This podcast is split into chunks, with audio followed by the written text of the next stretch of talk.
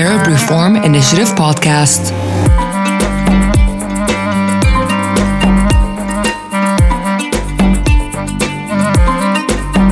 بودكاست مبادرة الإصلاح العربي. أهلا. أنا ريم عوني وأنتوا بتسمعوا للأرشيف النسوي. الأرشيف النسوي جزء من جلسة بودكاست مبادرة الإصلاح العربي. مبادرة الإصلاح العربي هي مؤسسة فكرية مستقلة تعمل مع شركاء متخصصين في الشرق الأوسط وشمال أفريقيا لصياغة أجندة محلية للتغيير الديمقراطي من خلال إجراء أبحاث وأوراق سياسات وخلق منصة للأصوات الملهمة للتعبير على أساس من التنوع والحيادية والمساواة بين الجندرين. أنا ريم عوني زميل غير مقيم في مبادرة الإصلاح العربي. بسجل بودكاست الأرشيف النسوي من محل إقامتي في لندن. في الأرشيف النسوي هنتناول محطات مهمة في الحراك النسوي الحالي في مصر. من خلال عدد من اللقاءات مع فاعلات مؤثرات. منهن عاملات بمنظمات لحقوق الإنسان محلية وأخرى دولية. ومنهن ناشطات مستقلات. يوثق بودكاست الأرشيف النسوي لدور هؤلاء الفاعلات في الحركة النسوية المصرية. من خلال طرح أفكارهن حول الآليات المستخدمة وتقييمهن للتفاعلات العديدة التي تحدث حول الحراك النسوي في الوقت الحالي. صباح الخير يا دكتور. ضيفتنا النهارده الدكتوره هدى الصدى أكاديمية بجامعة القاهرة أستاذ دكتور بكلية الآداب جامعة القاهرة قسم الإنجليزي. والنهاردة هنتكلم عن رحلتها كمسافرة ما بين آليات النسوية والحراك النسوي في مرحلة ما بعد الثورة أو الربيع العربي. أنا عايزة أبتدي اللقاء بتاعنا بإن إحنا نرجع لورا خالص لبداية حضرتك وشغلك على الدكتوراه و... واحتكاكك بالمجال النسوي و...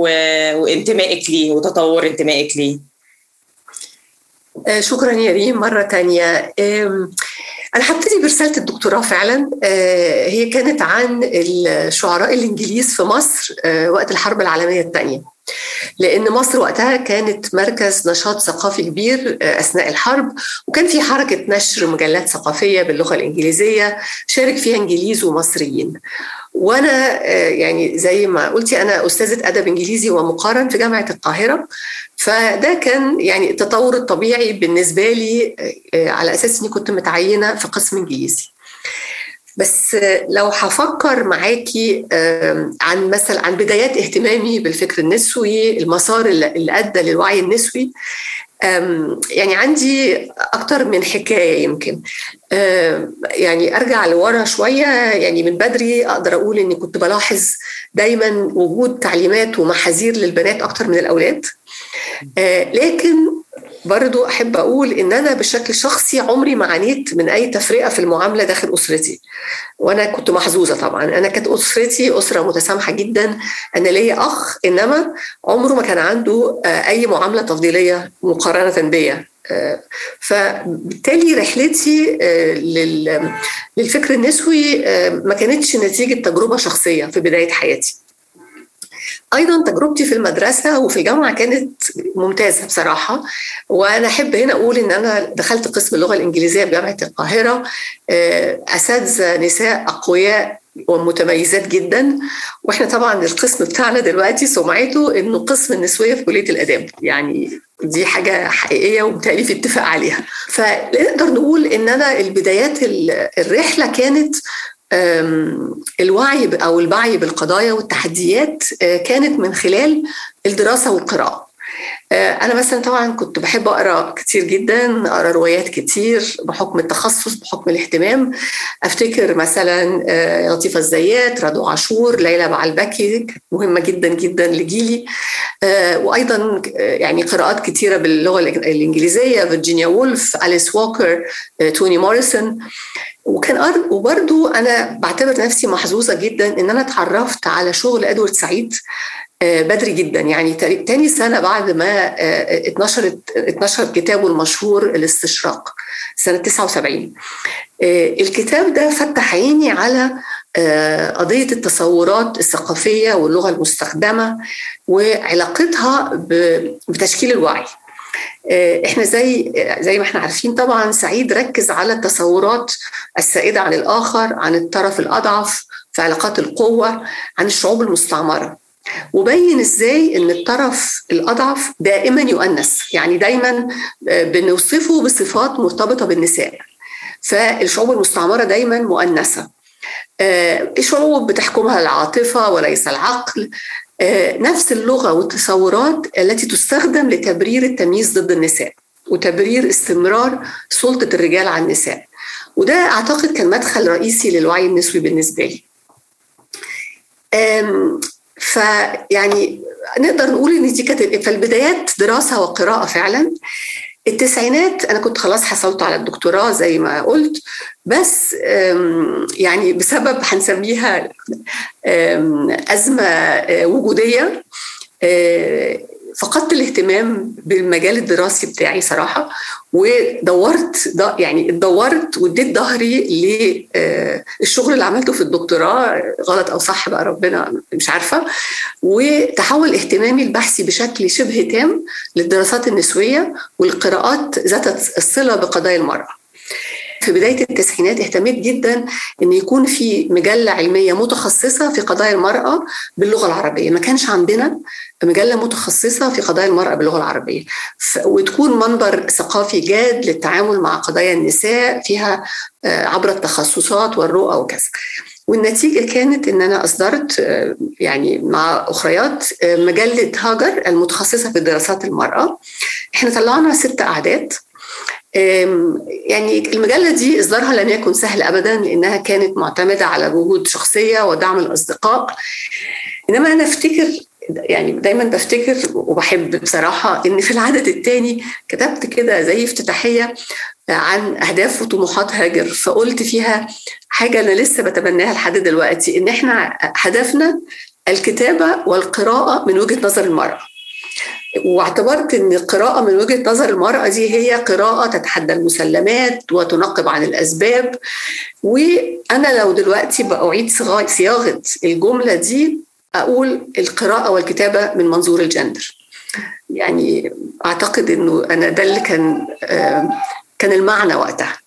يعني مثالي أتنقل هنا ل من هاجر إزاي يعني انتقلت لل للمشاركة في تأسيس المرأة والذاكرة. لأنه كذا حاجة. أولا هي طبعا المرأة والذاكرة يعني إحنا أنا مستمرة في نفس رحلة البحث عن إنتاج معرفي بديل داعم لقضايا المرأة وقضايا النساء.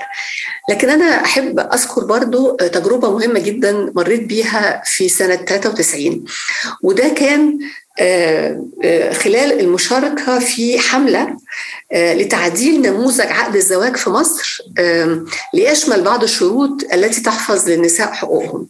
الحملة دي كانت يعني كانت صراحة تجربة سريه جدا استندت لفكرة إن الزواج في الإسلام بيتم بمقتضى عقد رضائي مدني بيسمح للطرفين بإدراج شروط وإن التاريخ الإسلامي مليان عقود زواج بتتضمن شروط لحماية الزوجة. والهدف من الحملة كان فتح باب النقاش حول قوانين الأحوال الشخصية. اللي بتميز ضد النساء طبعا حتى الآن وأيضا توعية النساء بحقوقهم وبإمكانية صيانة بعض الحقوق في عقد الزواج. طبعا ليس كل الحقوق لأن ده مش حي يعني مش العقد الزواج لا يستطيع أن يشمل كل شيء. لكن النقطة المهمة هنا إن الحملة اكتسبت من خلالها خبرة مهمة. إحنا سافرنا محافظات لفينا محافظات مصر. قابلنا جمعيات مجموعات مختلفة من المصريين. وكن وكانت حملة ناجحة. ليه بقى؟ لأن إحنا كنا بنستخدم حجج من تاريخنا من يعني العصور الإسلامية الأولى بالتحديد ونجحنا إننا نقدم حجج داعمة لحقوق النساء من داخل الثقافه الثقافة العربية. وبالتالي قدرنا نواجه كل حملات التشكيك اللي بتقول إن إحنا أفكارنا مستوردة أو غربية أو دخيله على الثقافة. كل الحملات المعتادة اللي دايما بتواجه النسويات. المهم أعتقد إن إحنا نجحنا في كسر احتكار الأصوات التقليدية أو اصوات الأصوات التي تحتكر الحديث باسم الدين والثقافة. ووقتها شعرت إن إحنا كنسويات يجب أن نعيد امتلاك ثقافتنا. إحنا نحن نتحدث من داخل الثقافة. ولا نترك الحديث باسم الثقافة للأصوات التقليدية التي طبعا توظف الثقافة والتاريخ دائما ضد النساء وضد حقوق النساء. فده كان يعني أعتقد إن أنا التجربة دي كانت مؤثرة جدا على يعني أثرت عليا في لما جينا نفكر في إنشاء المرأة والذكاء. المرأة والذكية هي مجموعة من إحنا كنا مجموعة من الصديقات صراحة الأكاديميات الباحثات والناشطات وكنا مهتمين فعلا بفكرة إعادة امتلاك الثقافة وإنتاج معرفة باللغة العربية داعمة للنساء وقضايا النساء. وحتى كان أنا أفتكر إن أول مشروع اشتغلنا عليه كان إعادة قراءة التاريخ الثقافي العربي من وجهة نظر المرأة. طبعا ده يعني كلام بقى كبير بس المشروع في الآخر يعني يعني ممكن يعني كعنوان يلخص إحنا بنحاول نعمل إيه فعلا يعني. البداية طبعا إحنا ابتدينا سنة 95 كنا مجموعة بحثية صغيرة. وطبعا على مدار يعني هو 25 سنة تطورت إلى مركز دراسات متخصص. نقدر أقدر أقول إن إحنا كل مشروعاتنا كانت مرتبطة باهتماماتنا. أنا بشكل بقى شخصي اهتميت بتاريخ الحركة النسوية في العصر الحديث إحياء ذاكرة النساء المنسيات إبراز أصوات النساء اشتغلت على بناء أرشيف تاريخ شفوي للنساء. قعدنا نشر كتاب النسائيات لملك حفني ناصف مثلا ملك من رائدات الحركة النسوية ولكن كانت منسية. يعني في التسعينات ما كانتش معروفة زي ما هي معروفة الآن. كان لها يعني طبعا موضوع تهميش النساء في التاريخ طبعا موضوع كبير ما زلنا بنتكلم عنه بس ده كان وده من المشروعات اللي اهتمينا بيها فعلا في المرأة والذاكرة. يعني ده باختصار فكرة عن البدايات. طيب شكرا قوي دكتور. أنا بس عايزة اقف عند حتة محطة معينة في المرأة والذاكرة وهو التاريخ الشفهي آه واستخدامه كآلية نظرية للدراسات النسوية. حضرتك اشتغلتي كتير قوي عن فكرة التاريخ التاريخ الشفهي آه لأنه زي ما حضرتك بتقولي إن النسويات منسيات أساسا من التاريخ. فبالتالي إعادة إحياء ذكرهم كانت هتيجي من إنه أي آلية بعيدة عن الكتب المكتوبة. وعايزة أستخدم مدخل التاريخ الشفهي, ده لإن هو ينقلنا للحراك ما بعد الثورة وتأصيله في عمل نسوي في مرحلة ما بعد الثورة. فيا ريت حضرتك تدينا بس نبذة عن التاريخ الشفهي كبداية وبعدين نبتدي نتنقل على وجود حضرتك في العمل العام والعمل النسوي في مرحلة ما بعد الربيع العربي. آه، تمام. يعني هو التاريخ الشفوي فعلا من أهم الآليات لمواجهة استبعاد النساء أو تهميش النساء في التاريخ. ونفتكر دايما إنه بدايات التاريخ الشفوي هي بدايات مرتبطة بشكل أساسي بحركات التحرر. إن كان حركات التحرر ال ال السود في أمريكا حركات تحرر النساء يعني في دايما جزء نشطي في بدايات أرشيفات التاريخ الشفوي بشكل عام في العالم. ف... فدي نقطة مهمة. يعني فعلا ك... وفكرة توثيق حكايات النساء توثيق حكايات المهمشين المهاجرين الأقليات ربما حتى الناس اللي, اللي عانت من ديكتاتوريات وكذا دي يعني أصبح وسيلة مهمة جدا جدا في مواجهة ليس فقط التهميش بقى في التاريخ ولكن مواجهة مثلا يعني ظروف صعبة جدا أثناء صراعات التاريخ الحكايات الشفوية بتستخدم بطرق مختلفة.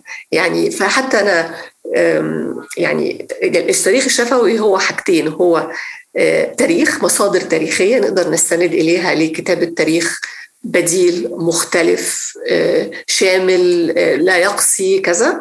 وفي نفس الوقت هو منهجية. منهجية في يعني في جمع المعلومات في فهم العالم هنسميها. فأنا موضوع التاريخ الشفوي صراحة بعتبره من بصراحة من المشروعات الأساسية اللي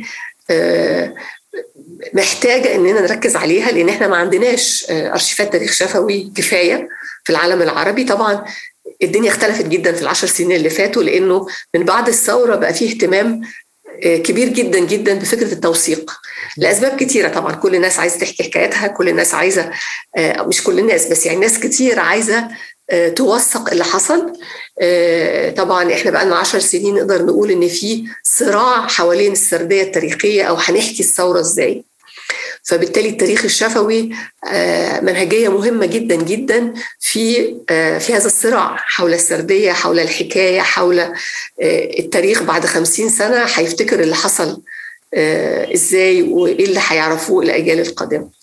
طيب لو استخدمنا البودكاست ده كمنصة للتاريخ الشفهي واتنقلنا لمرحلة ما بعد الثورة حضرتك اشتركتي في كنسوية وكناشطة سياسية في مجالات كتير ومحطات كتير أحب أتوقف عندهم بس هختص بالذكر وحدة التحرش في جامعة القاهرة وعايزة نتكلم عن وجود حضرتك في العمل العام برضو كنسوية بتحتك بعمل الأحزاب السياسية في مصر حضرتك كنت نائب رئيس عضو نائب رئيس الحزب المصري الديمقراطي ومحطة ثالثة برضو مهمة هي ارتباطك بعمل لجنة الدستور 2014 ودورك في في الدفع بمادة المساواة ما بين الرجل والمرأة اللي تم ذكرها أو اللي موجودة لغاية دلوقتي في الدستور 2014 لو هتحكي لنا التاريخ الشفوي حضرتك لرحلتك لمدة 11 سنة اللي فاتوا دول تقول لنا إيه؟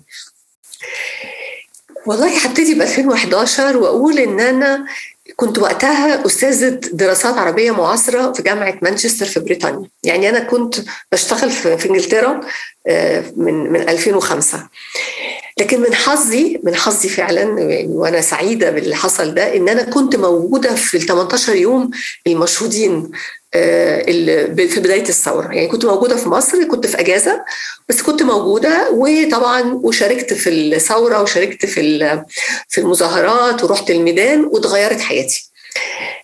طبعا يعني أعتقد ناس كتير حكت عن الموضوع ده إنما أنا وقتها فعلا شفت الأمل إمكانية تحقيق حلم التغيير حلم الحرية والعدالة دي كلها كانت طبعا يعني كانت فترة صراحة غير عادية. ورغم كل الهزائم والإحباطات بعتبر إن سنة 2011 دي سنة فارقة في تاريخ مصر والعالم. يعني تالي صعب إن حد ينكر هذا. زي ما قلت أنا كنت بشتغل في مانشستر وكنت مستقرة في عملي لكن بعد ال 18 يوم لما رجعت بقى لمانشستر وللتدريس لقيت نفسي صراحة مش عارفة أعيش يعني أو كنت عايشة بشكل يومي في مصر وفي الأحداث. وكانت كل فرصة تجي أركب أول طيارة وأرجع أعمل أي حاجة. ففعلا استقلت في يونيو في شهر يونيو 2011 ورجعت مصر. ودخلت بقى المجال السياسة صراحة بكل عزم يعني أي حاجة تتعمل كنت بعملها. فأحب أبتدي أقول إن المشاركة في المظاهرات لمدة ثلاث سنوات كانت من أهم أشكال العمل السياسي ومن أهم وسائل التعبير والضغط. فأنا كنت فعلا مقتنعة جدا ب أهمية المظاهرات أهمية الضغط على كل يعني المسؤولين واللي متصدرين المشهد لتحقيق يعني أمال الثورة. أنا عمري ما كنت من المنظمين أو الداعين للمظاهرات بس كنت دايما بعتبر نفسي واحدة من جنود المعركة من أجل حرية مصر. فكنت أنزل المظاهرات كده يعني وخلاص. لكن بشكل منظم بقى زي ما انت قلتي يا ريم أنا هبتدي أقول بس إن أنا شاركت أيضا في تأسيس تحالف المنظمات النسوية وده كان تحالف مهم سنة 2011 تاسس في مارس وكان مجموعة من المنظمات الداعمة للثورة وكان لنا مبادرات مهمة. أذكر منها مبادرة النساء والدستور. ودي كانت مبادرة للمشاركة في صياغة مواد دستورية تحقق العدالة للنساء. لأن طبعا إحنا ابتدينا نتكلم عن أهمية كتابة دستور جديد من سنة 2011 وشغل المبادرة كان مهم جدا في كتابة الدستور 2014 بعد كده يعني لما أتكلم عن النقطة دي. 2011 طبعا شهدت بقى إيه تشكيل أحزاب جديدة أحزاب الثورة زي ما بنسميها. وكان في حماس. أنا من جيل أو أنا من الناس اللي كان فاقد الثقة في الأحزاب وفي العمل السياسي بصراحة. لكن الثورة أحدثت انفراجة في المجال السياسي كان في تشجيع يعني كان في شعور إن الدنيا اختلفت. فأنا فعلا دخلت الحزب المصري الديمقراطي الاجتماعي لأنه كان متوافق مع أفكاري مع توجهاتي لكن برضو بسبب وجود شخصيات أثق فيها وأحترمها. أنا أذكر هنا طبعا رئيس الحزب الدكتور محمد أبو الغار كان شخصية عامة يحظى باحترام الجميع يعني دكتور مشهور. وأيضا أنا كنت أعرفه بشكل شخصي لأنه كان صديق كفاح يعني اشتغلنا عن قرب في 9 مارس ودي كانت مجموعة يعني بمناسبة إن النهاردة 9 مارس على فكرة فإحنا ده يوم بنحتفل بيه بسميه عيد استقلال جامعة القاهرة ده موضوع تاني. فكان في تاريخ بينا صراحة جميل وجيد يعني. أنا دخلت الحزب بدون أي خبرة في العمل الحزبي. وكان وأنا كنت واعية بده وقلقانة منه طبعا. لكن كان هدفي ضمان تمثيل جيد للنساء في الحزب. ده كان الهدف الوحيد صراحة. وفعلا الحزب المصري الديمقراطي تميز بانضمام شخصيات لهم باع في الحركة النسوية المصرية وكانت لجنة المرأة في الحزب من أنشط اللجان باعتراف الجميع. فده كان مدى طموحي في الحزب. لكن اللي حصل إن وقت الانتخابات انتخابات الحزب في آخر السنة لقيت تشجيع قوي جدا من العضوات والأعضاء للترشح لمنصب نائبة الرئيس. وفعلا ترشحت ونجحت كانت تجربة سرية علمتني حاجات كتير عن الناس والسياسة وعن تحديات وصعوبات اتخاذ القرارات المصيرية. يعني كانت تجربة مش سهلة بس كانت صراحة يعني سرية جدا. النقطة الثانية اللي ذكرتيها أنا كنت عضوة في لجنة الخمسين اللي كتبت الدستور دستور 2014 وكنت أيضا مقررة لجنة الحقوق والحريات. أعتقد إن في اتفاق إن الفصل المخصص للحقوق والحريات كان جيد يعني متهيألي. السياق كان صعب مليء بالصراعات السياسية والتوترات الدنيا ما كانتش سهلة أبدا لكن كان برضو في روح الثورة. يعني ما زال كان لسه في زخم الثورة والتغيير وكان في كده روح ما زالت موجودة. يعني إمكانية التغيير كانت موجودة. فمثلا لجنة الحقوق الحقوق والحريات عرفت تعمل حاجات يعني ربما لو فكرنا فيها دلوقتي هيكون صعب جدا. إنما عملنا لقاءات تشاور مع منظمات مجتمع مدني استضفنا شخصيات حقوقية بارزة. ونسوية. استفدنا من الشغل الهائل اللي قامت به مجموعات وأحزاب من أجل صياغة مواد دستورية تواكب العصر وتحقق العدالة. كان في تفاعل وزخم واهتمام بعمل اللجنة حتى من قبل الناس العاديين. يعني أنا فاكرة كان في فترة كده كانت الناس تتعرف على كان ممكن فعلا الواحد يبقى ماشي والناس تعرف إن إحنا في إن أنا في لجنة الدستور توقفني وتقول لي إحنا عايزين كذا. فكان في اهتمام فعلا كان في اهتمام من ناس عاديين بكتابة الدستور. كانت تجربة مهمة يعني طبعا أحب أقول هنا إنه هل السؤال دايما بتسأل هل نجحت في تحقيق كل طموحي في اللجنة؟ طبعا لا. آه لكن المؤكد إنها كانت لحظة مواتية للفعل والدفع إلى الأمام. كان في فرص ومساحة للتفاوض والضغط. وأنا من أنصار إن كل مكسب ولو بسيط هو مكسب يضاف إلى سجل المكاسب ونتقدم بيه خطوة إلى الأمام. ده بالنسبة لهذه التجربة. يعني وحدة التحر... مناهضة التحرش دي برضو كانت من التجارب الحلوة جدا. هي اتعملت سنة 2014 ودي كانت مجموعة من الأكاديميات. كنا معظمنا من قسم لغة إنجليزية. كلنا أكاديميات أقدر أعتقد نسويات. وفكرنا إنه طبعا 2014 ده كان حصل الدستور كان اتوافق عليه وكان فيه يعني نص بيلزم الدولة بمناهضة العنف ضد النساء. فدي نقطة مهمة. في يونيو 2014 صدر قانون يجرم التحرش. فدي كانت كلها طبعا يعني تطورات مهمة جدا جدا في موضوع مناهضة العنف والتحرش. فإحنا فكرنا كمجموعة إننا آن الأوان إن جامعة القاهرة يكون فيها سياسة لمناهضة التحرش. إحنا الجامعات المصرية كلها باستثناء الجامعة الأمريكية ما كانش عندنا سياسات لمناهضة التحرش. ودي طبعا وده موضوع مهم وموجود في معظم الجامعات في العالم. فالمهم فعلا شكلنا شكلنا لجنة صغيرة درسنا أشكال السياسات الموجودة في الدنيا دعينا منظمات مجتمع مدني بيشتغلوا في مجال العنف ولهم باع وعندهم شغل يعني اشتغلوا في مجال العنف وسياسات مناهضة العنف. وطبعا وعملنا برضو لقاءات مع طلاب وصغنا سياسة لمناهضة العنف وتوجهنا بيها لرئيس جامعة القاهرة وقتها الدكتور جابر نصار ولازم يعني أديله أعترف بفضله في دعم المبادرة. يعني هو فعلا دعم المبادرة واستطعنا على أواخر السنة إننا إن يتم اعتماد السياسة وننشئ وحدة لمناهضة التحرش تكون مكان لتلقي الشكاوى لاتخاذ إجراءات في حالة أي تحرش ما بين أستاذ وطالبة أو يعني كان في شغل مهم في هذا الموضوع. وفعلا كان في استجابة ويعني أقدر أقول إنه هذه الوحدة استطاعت إنها يعني تتحرك في بعض شكاوى تحرش داخل الجامعة وكانت النتيجة مرضية مرضية. طبعا موضوع التحرش صعب. عايزين نتفق في كل المكانات في كل الأماكن يعني في كل الجامعات.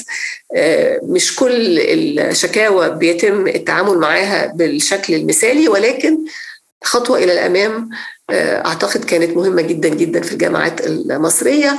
والوحدة وحدة جامعة القاهرة أصبحت زي يعني نموذج. نموذج نموذج يعني ودلوقتي بقى في وحدات مناهضة التحرش أعتقد في معظم الجامعات المصرية. طيب لو قلنا إن في فرضيه أكاديمية بتقول إنه قرب النسويات من السلطة از السلطه الحاكمة دايما بيخلي اثرهم أو اثر عملهم أقل لأن هم بي بي بيضطروا يشتغلوا تحت طبقات وطبقات من السلطة وطبقات وطبقات من استخد... من من ال... من من رسم من ترسيمات سياسية موجودة. حضرتك اشتغلتي في الفترة دي في جبهات مختلفة جبهات متعددة جدا. لو بصيتي بخطوة كده يعني لورا من وقيمتي كده اشتباكك في كل جبهة من الجبهات دي طبعا يعني باعتبار إن في سياق مختلف وإنه إحنا بنتكلم على مرحلة زمنية كان فيها التغيير السياسي سريع جدا فبالتالي ممكن وجود جوه الحزب كان فعال في لحظة التاني يوم ما كانش فعال. بس تقديرك الشخصي لوجودك في الجبهات المتعدده دي أثره كان عامل إزاي؟ ده سؤال مهم ومحت... يعني ودايما بفكر فيه بصراحة شوفي أنا لا يعني كبداية كده أحب أقول إن يعني التعامل مع هذا السؤال مهم جدا إن إحنا دايما نموقعه كده في السياق.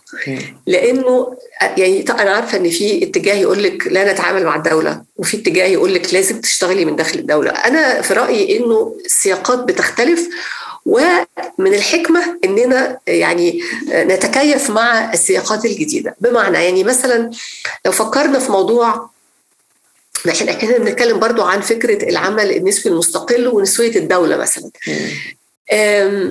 فلو نفكر في الموضوع شوية ونفكر في مسارات الحركات النسوية في مصر، الحركة النسوية في مصر والحركات النسوية العربية صراحة يعني. هنلاقي إنها كلها حركات نمت وترعرعت في سياق دول ما بعد الاستعمار إلا كانت كلها سلطويه. نظم ديكتاتورية، غياب ديمقراطية، وبالتالي دي كلها أنظمة لا تسمح بالتنظيم أو الانتشار على المستوى القاعدي، يعني دايما في تحجيم لعمل النسويات أو عمل كل الحركات الاجتماعية صراحة. يعني ليست فقط الحركة النسوية.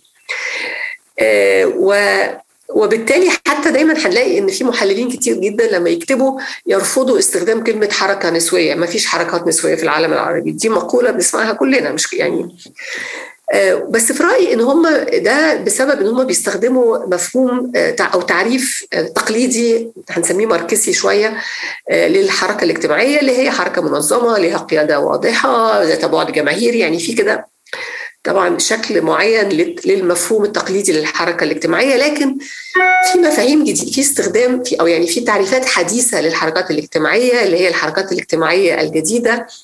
بتتسم بالتركيز على قضية واحدة البيئة السلام المرأة. يعني ربما حتى يعني بيسموها ال single issue يعني هنركز على العنف ضد المرأة مثلا. وهذه الحركات ممكن تقودها أو يقوم بها مجموعات صغيرة. يكون مكانها مثلا بعض منظمات المجتمع المدني يعني لها أشكال متعددة. طيب يعني لو لو فكرنا برضو تاني نرجع لل الحركة النسوية في مصر أو فكرة نسوية الدولة يعني أحب أتكلم عنها شوية. طيب إحنا دايما نتكلم برضو عن فكرة نسوية الدولة والعمل من خلال الدولة.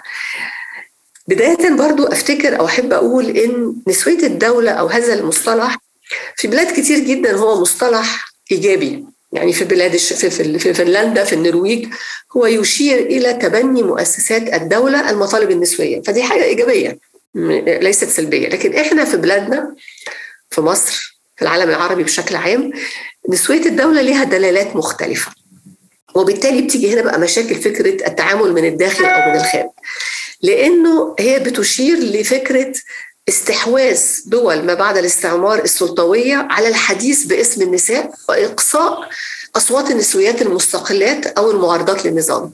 فهنا على طول بنفكر في احتكار وتقصي أصوات النسويات المستقلات أو المعارضات للنظام لأنها نظم لا تقبل بالمعارضة. وإحنا تاريخنا مليان نساء تم تهميشهم. أنا أحب دايما أذكر هنا دريه شفيق نسوية رائدة كاتبة شاعرة رئيسة حزب لكنها زي ما بيقولوا she spoke truth to power. يعني في اتحدت جمال عبد الناصر في أوج مجده.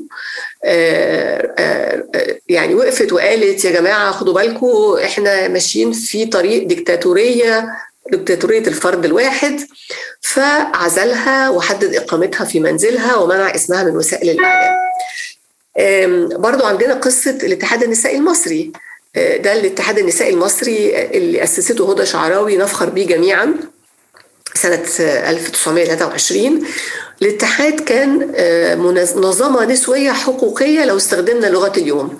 كان له مطالب سياسية واجتماعية كان يشارك في النقاشات السياسية.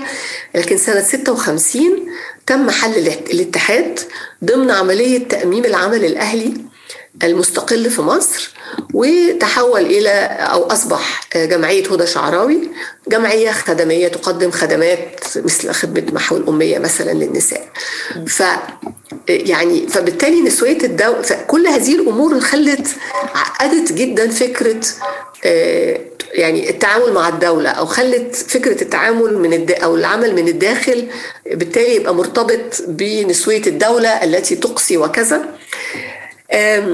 لكن برضه لكن أرجع وأقول الموضوع يعني المسألة لا تسير بشكل خطي ولكن في سياقات مختلفة.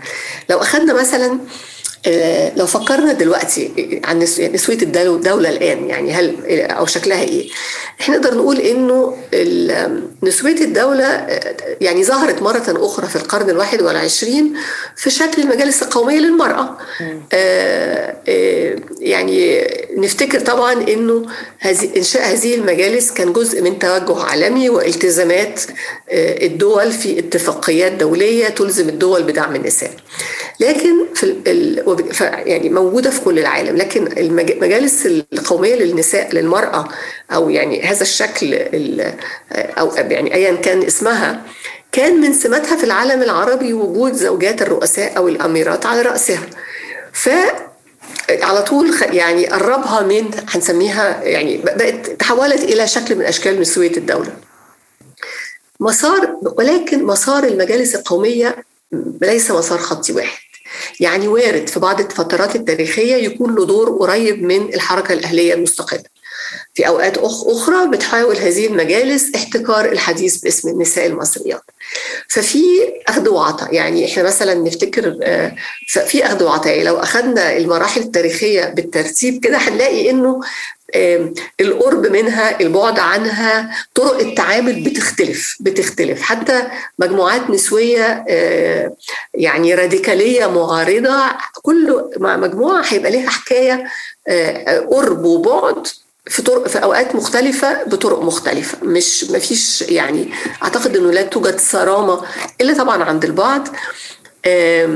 إنما المهم اللي يعني في الموضوع ده إنه طبعا قدرة هذه المجالس على احتكار الحديث باسم النساء يعني طبعا يعني قلت جدا لأن إحنا إحنا ما بقيناش في الخمسينات والستينات. إحنا في القرن الواحد والعشرين عندنا وسائل تواصل اجتماعي وضع مختلف تماما. يعني غير ممكن إحكام السيطرة على كل اصوات أو احتكار السردية. إحنا الآن عندنا سرديات متصارعة أو متوازية وكلها تسعى إلى الوصول لأكبر عدد من الناس.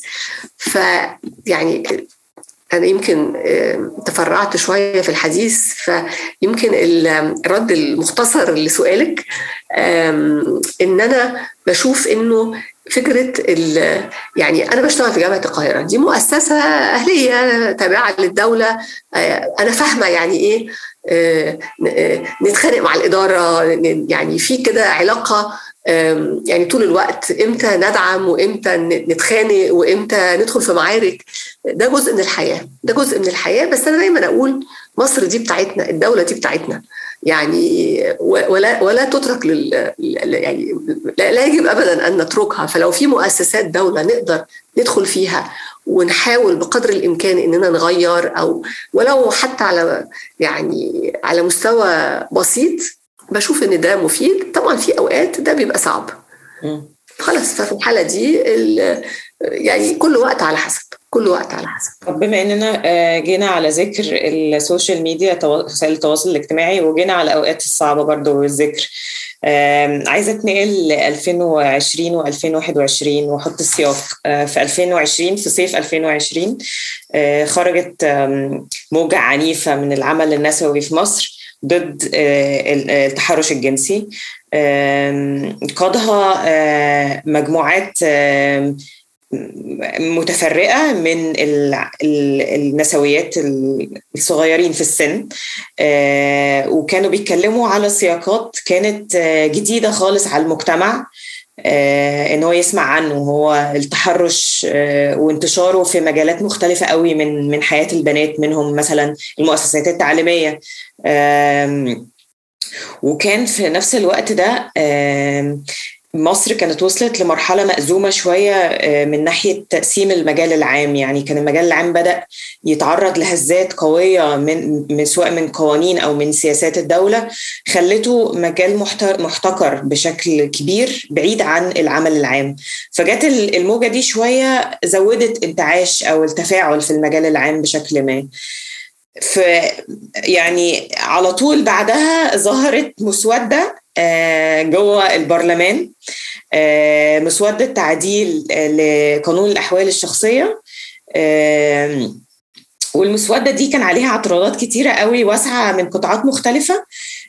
ما أقدرش أقول أرجحها للدولة. يعني هي مسودة مفروض من الدولة بس الدولة قررت تتبن يعني يعني تقول إنها مش ابني. يعني قررت إنها ما تعترفش بإن هي مسودتها.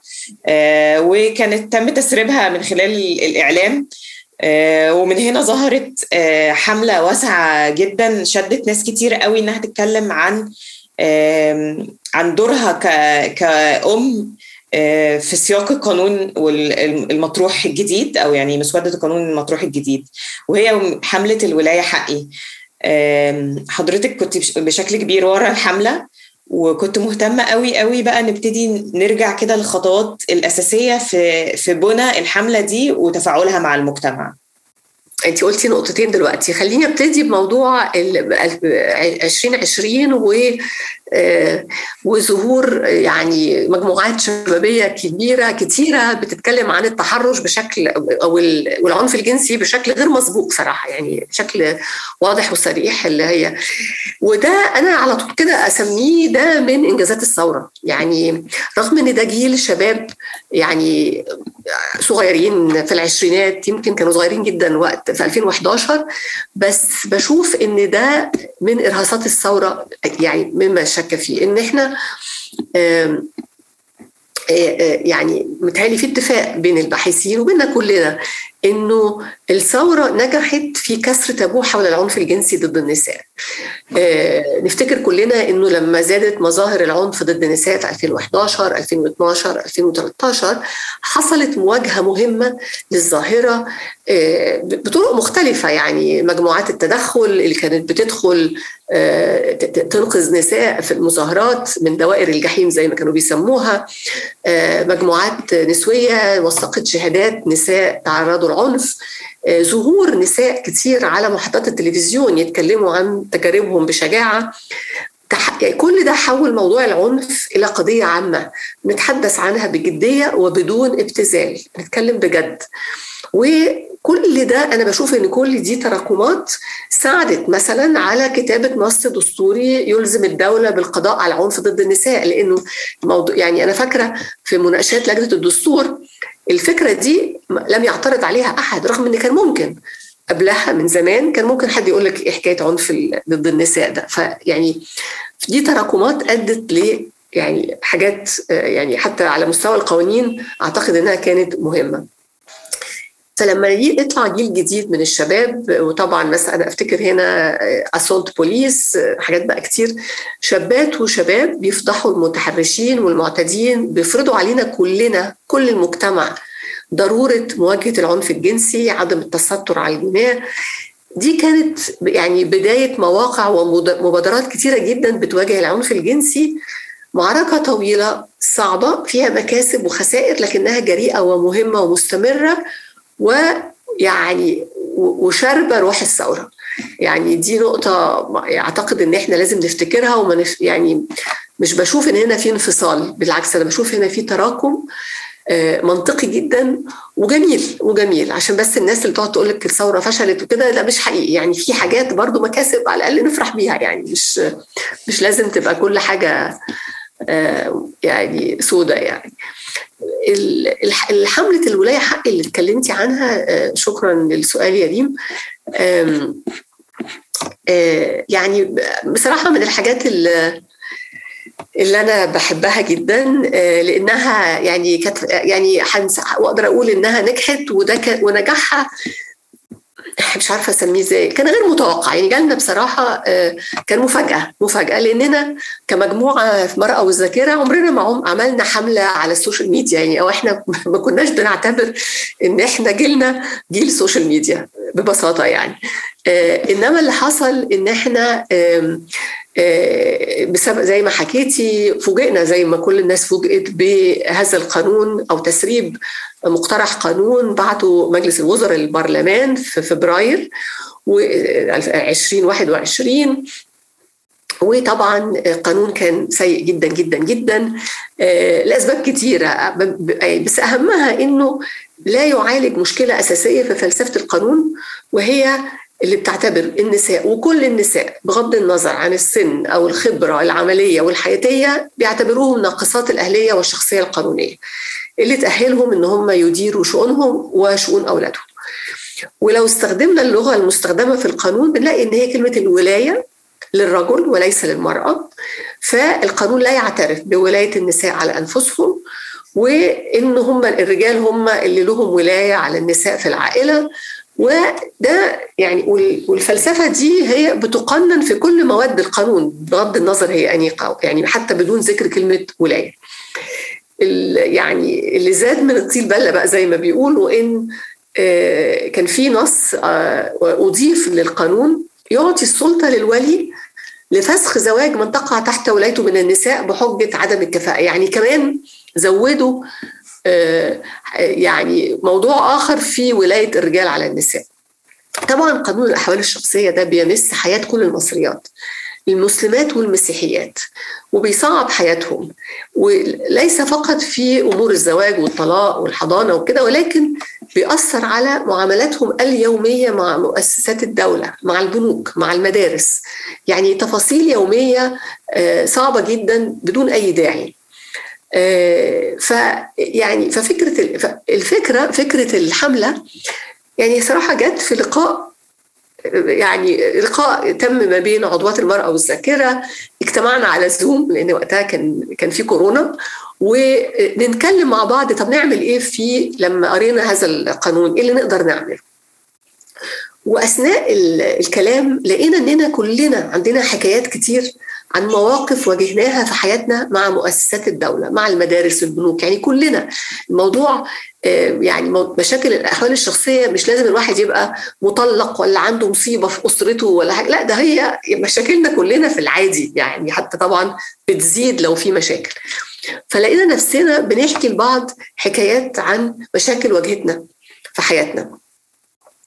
وأحب أقول برضو إن موضوع الولاية ده كان موضوع اتكلمنا فيه زمان من 20 سنة. إحنا كمجموعة في المرأة والذاكرة لما نشرنا إحنا نشرنا كتاب في 2002 كان عنوانه مدخل إلى قضايا المرأة في سطور وصور. ده كان كتاب بيتناول قضايا المرأة في المجتمع المصري في شكل يعني أسلوب سهل شيق وبسيط وكان بيخاطب القراء غير المتخصصين. لكن نهاية الكتاب بنقول إن في موضوعات كتيرة محتاجة إلى معالجة منها قضية ولاية المرأة والتناقض الحاصل لما وزيرة لا تستطيع نقل أولادها من مدرسة إلى أخرى. أو يعني حتى إحنا أنا فاكرة المثل ده كتبناه في الكتاب. والمثل مازال قائم يعني الموضوع لسه مستمر. أو مديرة البنك طبعا لا تستطيع إدارة أموال أولادها القصر لأنها ليست ولي فالفكرة جت بالطريقة دي. فحتى فكرنا حتى إحنا يعني كان الشعار بتاع الحملة يلا نحكي حكايتنا. دعوة للنساء المصريات اللي واجهوا صعوبات أيا كانت بسبب انتفاء حقهم في الولاية على أنفسهم وأولادهم إن هم يشاركوا حكاياتهم وينشروها على وسائل التواصل الاجتماعي. يعني بعد يومين الهاشتاج والولاية حقي فق يعني انتشر بشكل فوق كل التوقعات أصبح تاني يعني أشهر أو تاني هاشتاج متداول على السوشيال ميديا مشاركة يعني عدد كبير جدا جدا آلاف في الواقع. أعتقد إن حاجة بتاعت 6000 أو 7000 مشاركة. نساء ورجال بيعبروا عن دعمهم لحق النساء في الولاية على أنفسهم وأولادهم. وطبعا بي يعني وتفاصيل كتير وحكايات بقى غير منطقية فعلا. يعني إحنا اكتشفنا في الحملة دي الجملة اللي بتقول الحقيقة أغرب من الخيال. يعني أشياء لا نتوقعها وغير منطقية بتاتا ولكنها بتحصل. يعني صراحة الحملة كانت كانت حلوة لأنها اولا بلورت أو يعني سلطت الضوء على حكايات ومشاكل ما كناش نعرفها. إما لأننا طبعا ما شفناهاش أو ما حدش حكى لنا عنها أو لأنها غير منطقية زي ما قلت. فعلا غير منطقية يصعب تصديقها سلطت حضرتك فاكرة أي حاجة من القصص اللي أنا مثلا آه طبعا. أنا مثلا يعني عرفت من الحملة إنه لما إحنا عارفين إن في السنتين اللي فاتوا المدارس وزير التعليم قرر إن يوزع المدارس توزع على الطلاب تابلتس عشان يقدروا إن هم يدخلوا على الإنترنت. فمثلا المدارس كانت بتشترط إن ال ال ال الأب هو اللي يعني كانوا بيرفضوا يدوا للأم أو إن الأم تروح مع الولد وتمضي استلام التابلت كانوا بيطلبوا إن الأب هو اللي يروح. دي حاجة مثلا اكتشفناها في الحملة. اكتشفنا مثلا إن واحدة بنت كانت أعتقد ساكنة في حلوان مش متأكدة فين بس باختصار شاطرة دخلت جامعة عين شمس ومبسوطة راحت تدخل تقدم في المدينة الجامعية عشان تعيش عشان تعرف تروح الجامعة مرضوش لأنه هي كانت أمها راحت معاها مين يضمنها؟ أمها ما تنفعش.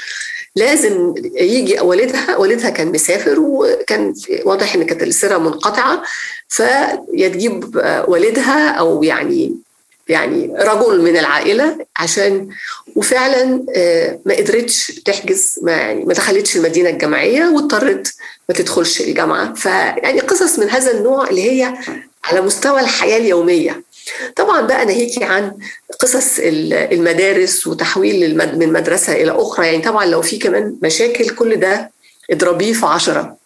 لو في تعنت لو في مشاكل إلى آخره. طبعا مشاكل البنوك برضو من الناس اللي حكت يعني ناس كتير حكت عنها. فهي مؤسسات الدولة مشاكل في في التصرف في الحياة اليومية باختصار.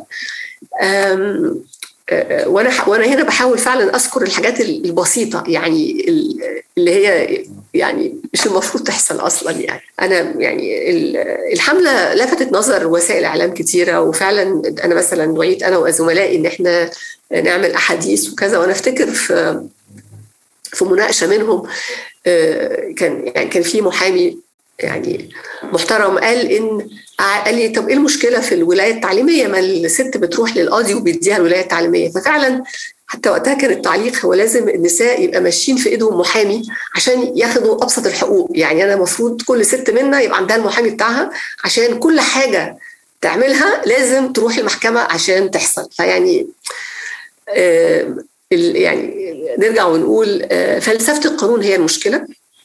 آه وانا واهتمينا ان إحنا نركز في الفلسفة وليس في التفاصيل. لأن التفاصيل مهمة لكن هي بتيجي بعد الفلسفة. فدي برضو من النقاط اللي أتمنى إن المشرعين ينتبهوا إليها. لأن إحنا يعني لو تبصي على تاريخ تطور قوانين الاحوال الشخصية المصرية طبعا أدخلت بعض التعديلات في فترات معينة. تعديلات مهمة أكيد ولكنها دايما في التفاصيل. لم تتطرق ابدا التعديلات على مدار ال 120 سنة اللي فاتوا أو ال 100 سنة اللي فاتوا لفلسفة القانون اللي هي محتاجة تتغير.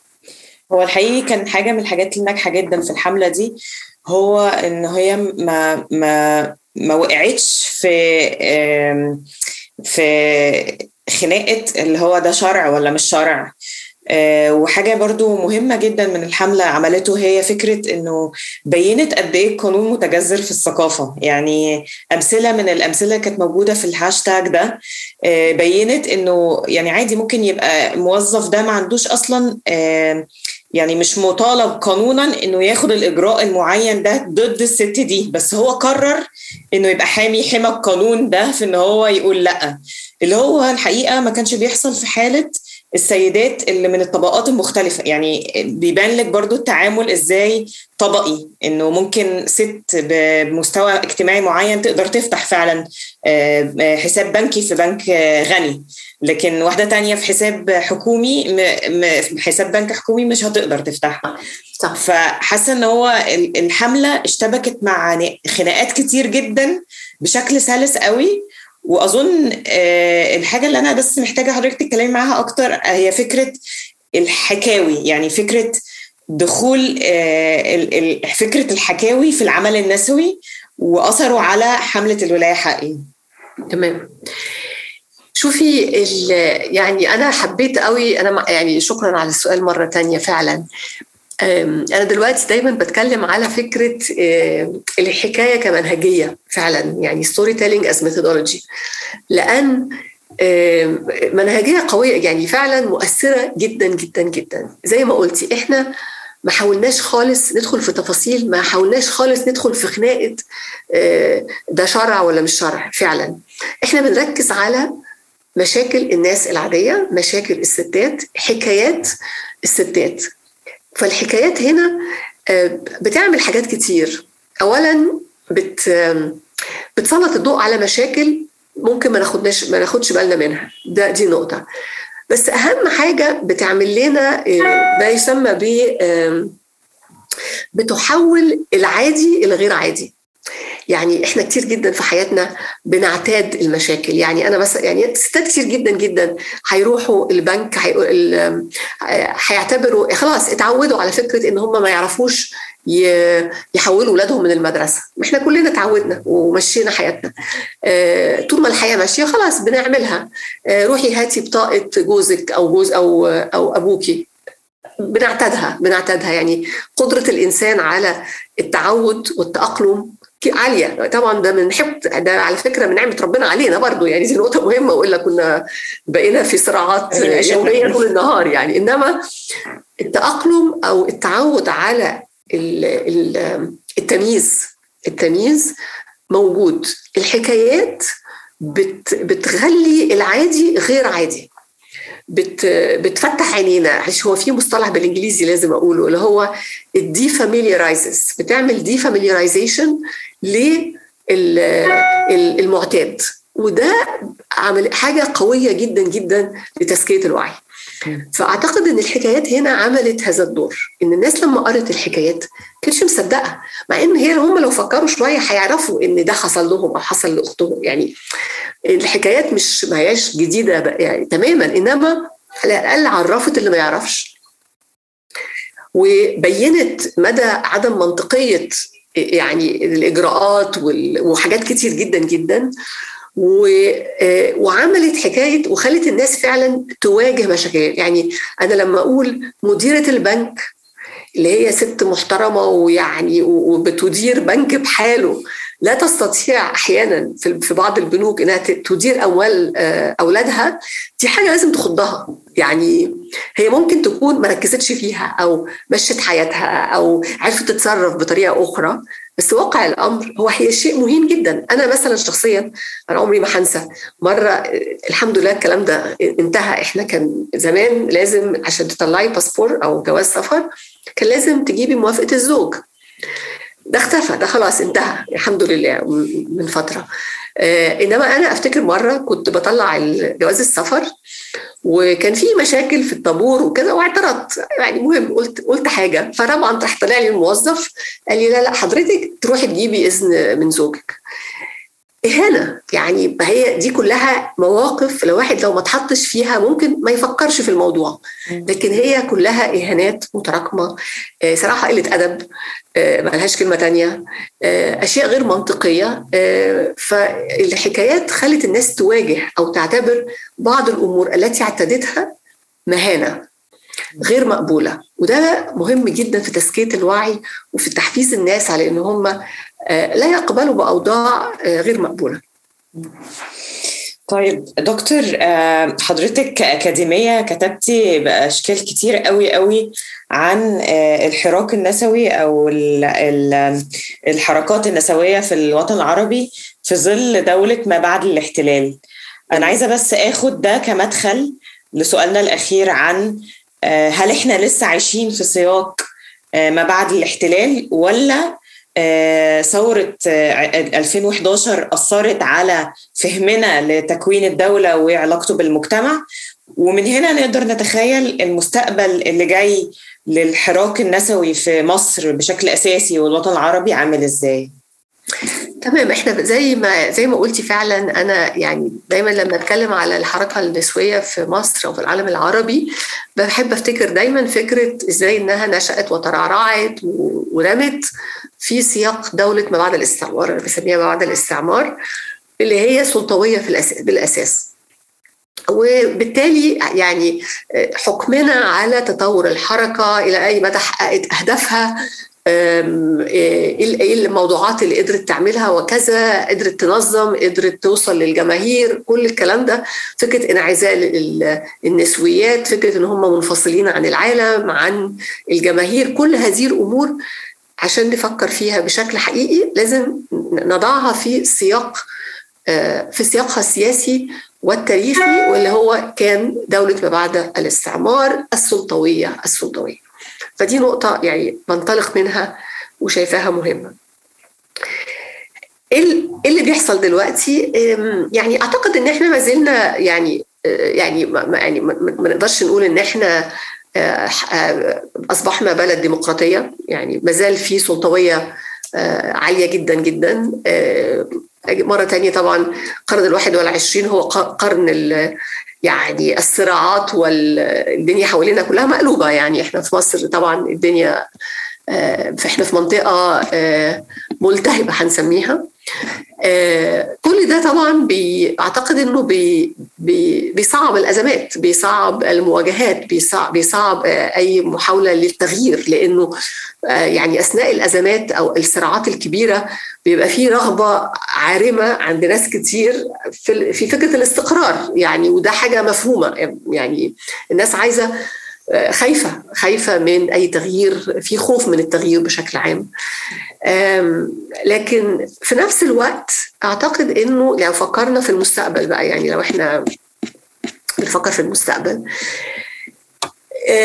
أعتقد إن إحنا في المرحلة دي يعني لازم طبعا يعني يبقى يعني نبقى فاهمين السياق كويس يبقى فاهمين إن في حاجات أو في وسائل استخدمناها قبل كده لا يمكن استخدامها الان يعني يعني مثلا يعني على سبيل المثال مثلا يعني في لحظة حتى في أوائل القرن العشرين هدى شعراوي كده كان في لحظات مهمة كتابة العرائض وفكرة إن إحنا نمضي عرائض دي كانت على فكرة وسيلة مهمة جدا للضغط والمطالبة. مش متأكدة إن دي وسيلة فعالة دلوقتي بصراحة يعني مرة أخرى. فاللي نفع مرة مش شرط ينفع دلوقتي. والمظاهرات طبعا دلوقتي لا يوجد إمكانية للمظاهرات كفعل يعني فكرة اللي بيسموها اللي اتكلمنا عنها كتير سياسات الشارع دي أعتقد إنها مختلفة في المرحلة اللي إحنا فيها. فإحنا محتاجين نعيد التفكير. أنا رأيي إنه اليومين دولت إحنا يعني الصراع حول السردية و يعني والحكاية وتوثيق التجارب أعتقد إن ده عمل مهم جدا. نشتغل عليه كلنا يعني أو ناس كتير.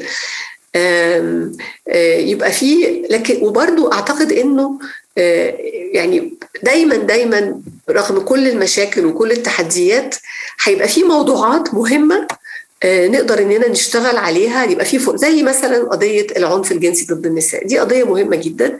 أنا لا أقبل ابدا فكرة إنه دي قضية مش مهمة قوي طب ما نركز على القضايا الأكبر. يعني أنا موضوع أكبر وأصغر ده بلاقيه دايما إقصائي. يعني بيبقى دايما محاولة لإقصاء مجموعة أو التعمية على مشكلة.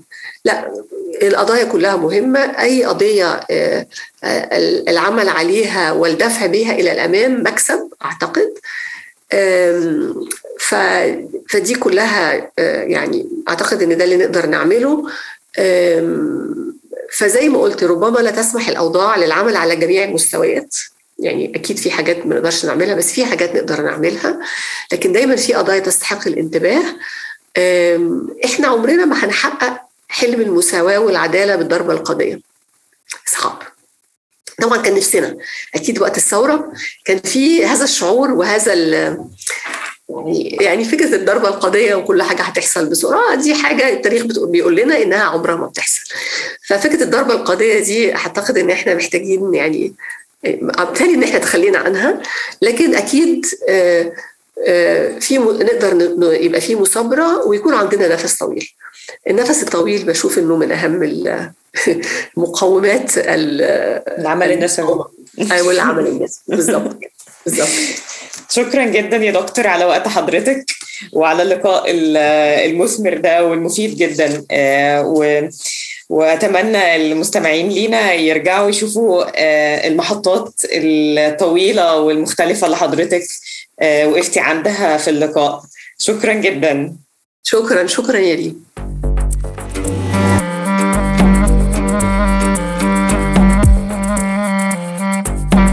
The Arab Reform Initiative Podcast.